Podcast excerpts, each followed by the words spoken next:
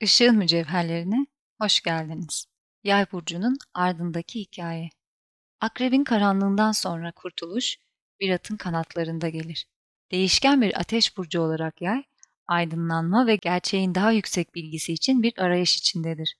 Dünya ile gökler arasında bir köprü oluşturmak için hayvan ve insanı birleştirir. Yay eril bir burçtur ve Jüpiter tarafından yönetilir ve Merkür tarafından yönetilen karşıt burç ikizler tarafından dengelenir ve tamamlanır. Glif, geleceğe doğru fırlatılmaya hazır, okçunun yukarı bakan okudur. Yay, macerayı ve anlam arayışını temsil eder. Özgürlüğü seven bir burçtur. Tez canlı ve eğlencelidir. Ancak kolayca sıkılabilir. Yay takım yıldızı mitolojik bir yaratık olan yarı insan, yarı at sentordur.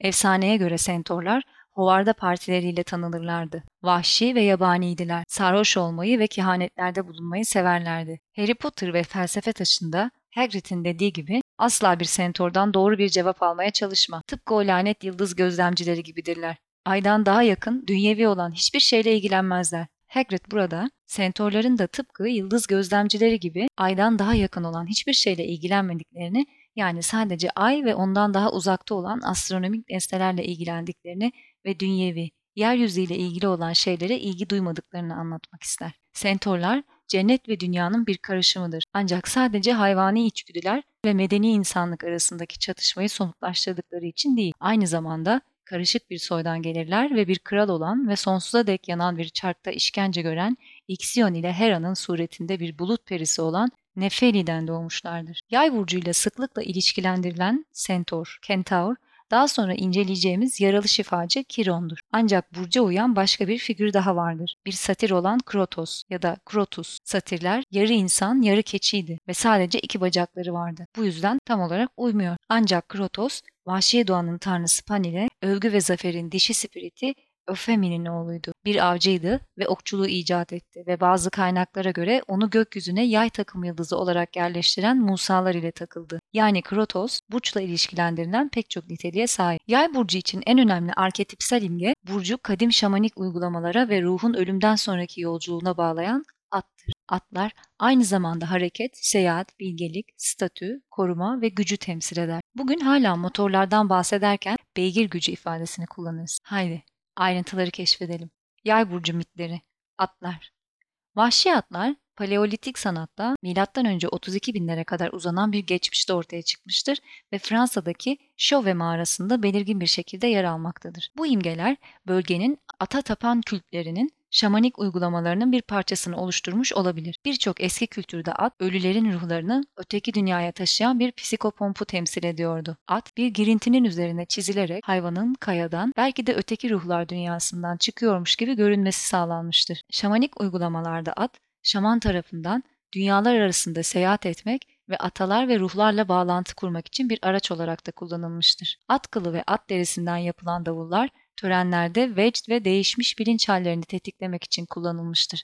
Hala kullanılmaktadır. Şamanın davuluna genellikle at denirdi ve bazıları sembolik bir at başta sopa da kullanırdı. Bu belki de hala folklorda 1 Mayıs'ta Britanya'daki bereket festivallerinde binilen hobi atı olarak varlığını sürdürmektedir. Kazakistan'da Akmola bölgesindeki Botaya yerleşimlerinde granit üzerine oyulmuş petroglifler bulunmuştur. Resimlerin çoğu eski bir at cinsi olan Moğol takhi ya da vahşi atı temsil etmektedir. Petroglifler M.Ö. 2000 yıllarına tarihlense de Botay kültürünün atı M.Ö. 6000 yıllarında evcilleştirdiğine inanılmaktadır. Yerel mitlerde ölülerin at şeklinde büründüğü söylenir. Dolayısıyla bu resimler kabilenin atalarını temsil ediyor olabilir. At oymaları sadece spiritlerin vizyonları değil, aynı zamanda ataların rüya zamanının yaşayan manzarasının fiziksel tezahürüdür. Atla ilgili bu petroglifler aynı zamanda başka dünyalara geçişi ya da karışmayı da mümkün kılmaktadır. Geçmiş bir toplumun bireyleri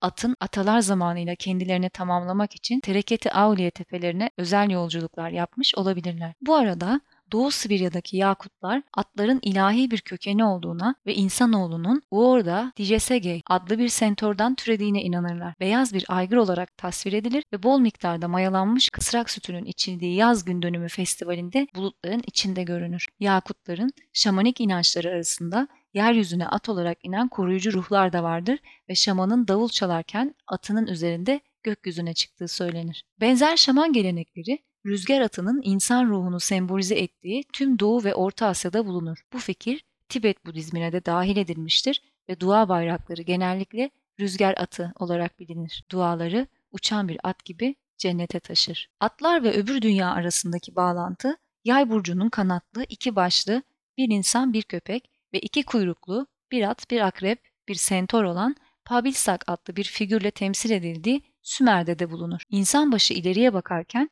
köpek geriye bakar ve burcun ikili doğasını ve hayvani doğamızın asla uzakta olmadığı fikrini vurgular. Pabilsak, ata veya baş ata anlamına gelir ve ölü ruhları yeryüzünden cennete götürmekten sorumluydu. Eskiler Samanyolu'nu ruhun öbür dünyaya yolculuğunda izlediği yol olarak görürlerdi ve yay da tam bu yolun üzerinde yer alır. Yıldızlarından biri olan Sagittarius A, Samanyolu'nun merkezindeki astronomik bir radyo kaynağı ve süper kütleli bir kara deliğin bulunduğu yerdir. Belki de öteki dünyanın girişidir. Cermen, İskandinav, Kelt ve İngiliz folklorunda daha fazla şamanik at örneği bulunabilir. İngiltere'nin güneydoğusundaki Berkshire Downs tepelerinde M.Ö. 1400'lere tarihlenen tebeşire oyulmuş tarih öncesi bir tepe figürü vardır. Uffington beyaz atı olarak adlandırılan bu figür bir kabile atasını ya da ölülerin ruhlarına rehberlik eden koruyucu bir ruhu temsil ediyor olabilir. Avrupa ve Britanya'nın çeşitli Kelt kültürleri büyük ölçüde atlara dayanıyordu. Bu yüzden birçok at tanrıçaları ve kraliçeleri vardı. Epona bir bereket tanrıçasıydı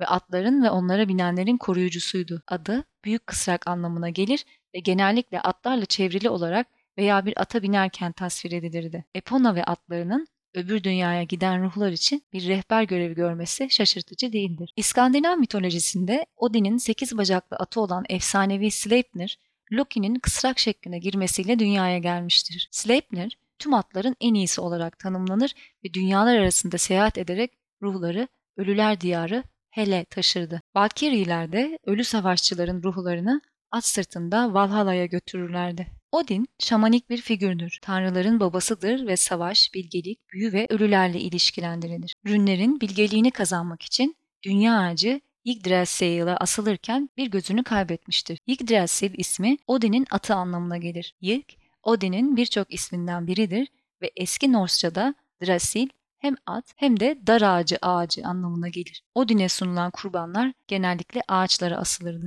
Odin ayrıca soğuk kış ortası gecelerinde ülkeyi kasıp kavuran doğaüstü avcılardan oluşan yağmacı bir grup olan vahşi avı da yönetirdi. Vahşi avı görmek kötü bir alamet olarak kabul edilirdi ve kaçırılıp yeraltı dünyasına götürülebilirdiniz. Bu bir ölüler alayıydı ve açıkça ruhun az sırtında öteki dünyaya taşınmasıyla ilgili daha önceki fikirlerle bağlantılıydı. Son olarak yay burcuyla en sık ilişkilendirilen Centaur'a geliyoruz. Kiron. O, diğer Centaurlar gibi değildi. Daha medeni ve nazikti ve genellikle bir atınkinden ziyade insan ön ayaklarıyla tasvir edilirdi. Bazı kaynaklar ona alternatif bir soy da vermiş ve onu su perisi Filiera'yı hamile bırakmak için at şekline giren Kronos'un, Satürn'ün oğlu yapmıştır. Kiron, geçmişin kitonik tanrıları ile bilgelik ve aydınlanmanın gök tanrılarının gelecek çağı arasındaki kesişimi temsil eder. Sentorların kralı olmuş ve Perion Dağı'ndaki mağarasından çeşitli kahramanlara öğretmenlik yapmıştır. Ancak Herkül tarafından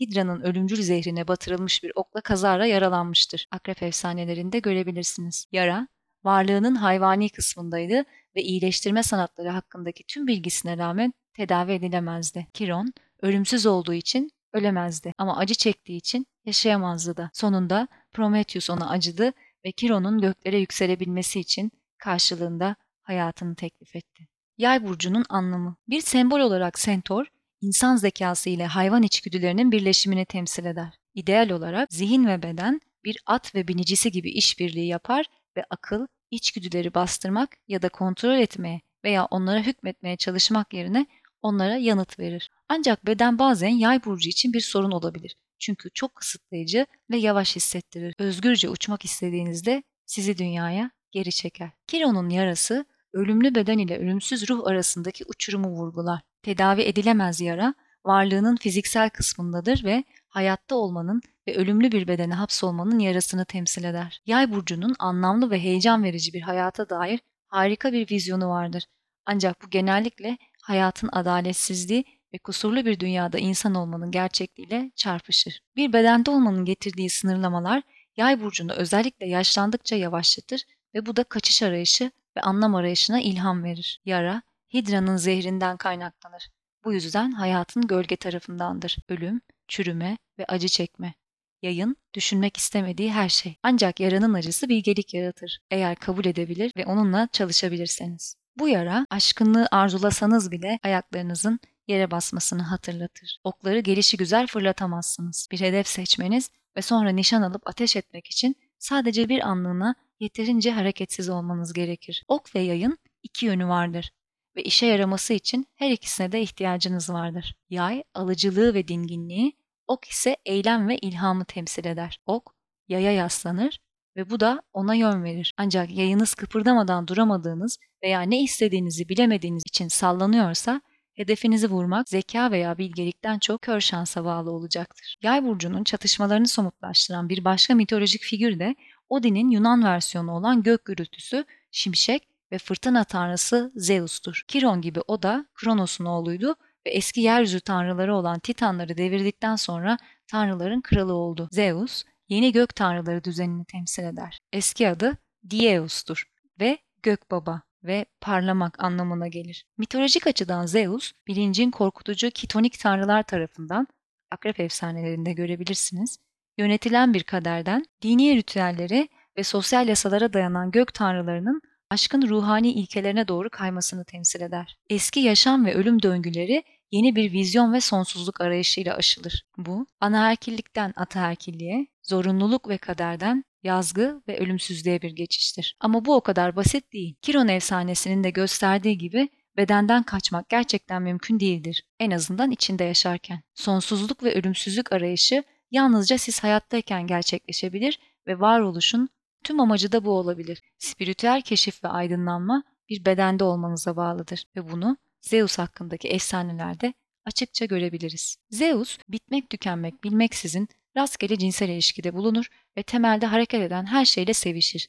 Bunu yapmak için at da dahil olmak üzere her türlü biçimi alır. O, nihai ataerkildir. Kadın hareketinin bir gözdesi değildir. Ancak gezgin gözlerine ve ellerine ve diğer her şeye rağmen Hera ile fırtınalı bir evliliğe bağlıdır. Bu, eşitlerin evliliğidir ve sürekli kavga ederler. Ama Zeus asla kazanamaz ya da uzun süre kaçmayı başaramaz. Her zaman evine, evin hanımına döner. Yay burcu genellikle bu efsaneyi bir şekilde somutlaştırır. Her zaman bir sonraki macerayı ararlar veya heyecan verici fikirlerin ve olasılıkların peşinden koşarlar. Çok fazla taahhüt, kural veya beklentiye bağlı kalmayı sevmezler ve spontane olmayı tercih ederler. Özgürlük arzuları sorumluluktan ve sonuçlardan kaçınmaya dönüşebilir ve en son vizyonlarının peşinde koşarken patavatsız olabilir ve başkalarına kaba davranabilirler. Ancak sonunda gerçeklik her zaman onları yakalar. Yay burcu genellikle bir ilişki, iş, ev veya hastalık gibi kaçınılmaz bir şeye bağlanır ve sonra bundan kaçmak için büyük miktarda enerji harcar. Zeus'un Hera'dan kaçmaya çalışması gibi. Ama Zeus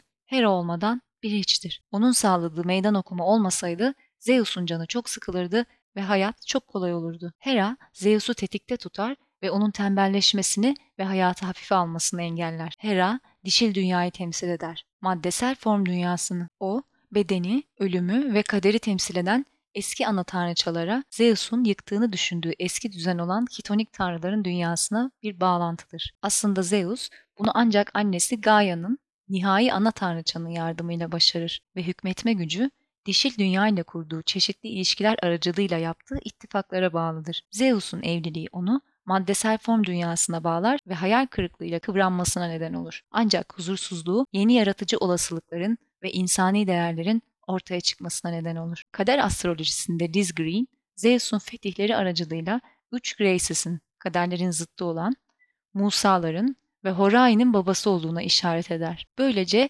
Hera'dan kurtulma mücadelesi geleneksel olarak yay burcu ile ilişkilendirdiğimiz birçok niteliği ortaya çıkarır ve belki de daha önemlisi doğanın ve zorunluluğun acımasız intikamına alternatif bir adalet alanı doğar. Gök tanrıları insanlığın kolektif bilincine yeni bir bakış açısı getirdiler. Özgürlük olasılığı ve kaderi ve ölümü aşma potansiyeli. Kadere körü körüne boyun eğmek yerine ölümlü bir bedende yaşıyor olmanın acısını bilgeliğe dönüştürebilirsiniz. Sınırlamalarınızla mücadele ederek yarayı açan zehirden ruh için ilaç yaratılabilir. Akrep efsanelerinde gördüğümüz gibi Perseus, Medusa'nın başını kestiğinde kanatlı at Pegasus onun bedeninden fırlamıştı. Pegasus, doğayı ve bedeni inkar etmeden aşkınlık olasılığını temsil eder. Daha önce tanıştığımız diğer mitolojik atlar gibi o da dünyalar arasında ulaşım aracı olarak kullanılmıştır ve yaratıcı spiriti ve hayal gücünü temsil eder. Yay burcunun aradığı hakikat vizyonu budur. Sizi doğum ve ölüm çarkından kurtaran ölümsüz ruhunuzun hakikati, aydınlanma arayışı.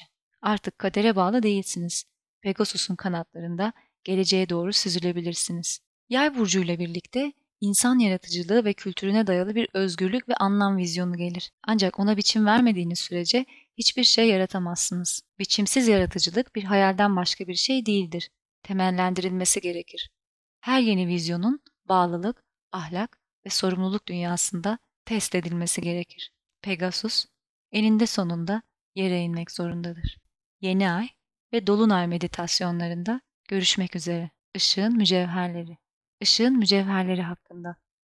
Işığın mücevherleri, kova çağının hedefleri nedeniyle iyi niyetli öğrencilerin bir araya gelmesinden oluşan organik bir yapıdır. Grup, gelecek olanın yollarını hazırlar ve insanlık ailesinin gelişimine ışık tutar. Amacı, yaratılışa destek olmak, yolu arayanlara yolu göstermektir. Bu yol, Himalaya bilgeliği ve beyaz kardeşliğin yoludur. Işığın mücevherleri kar amacı gütmez, dünyaya ve canlılara hizmeti önemser. Öncelik oradadır. Öğretilerinin temelinde kova çağının özgürleştirici etkisi vardır. Bir önceki dönemin balık çağının korku dolu adanmışlık duygusuyla ve düşüncesiyle hareket edilmez. Aklın nedenselliği ve alevi içinde ilerlenir.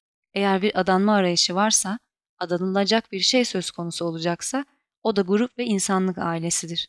Grup, kendi hedefleriyle, prensipleriyle, değerleriyle ve inançlarıyla ilerler. Şefkatli, nazik ve hoşgörülüdür.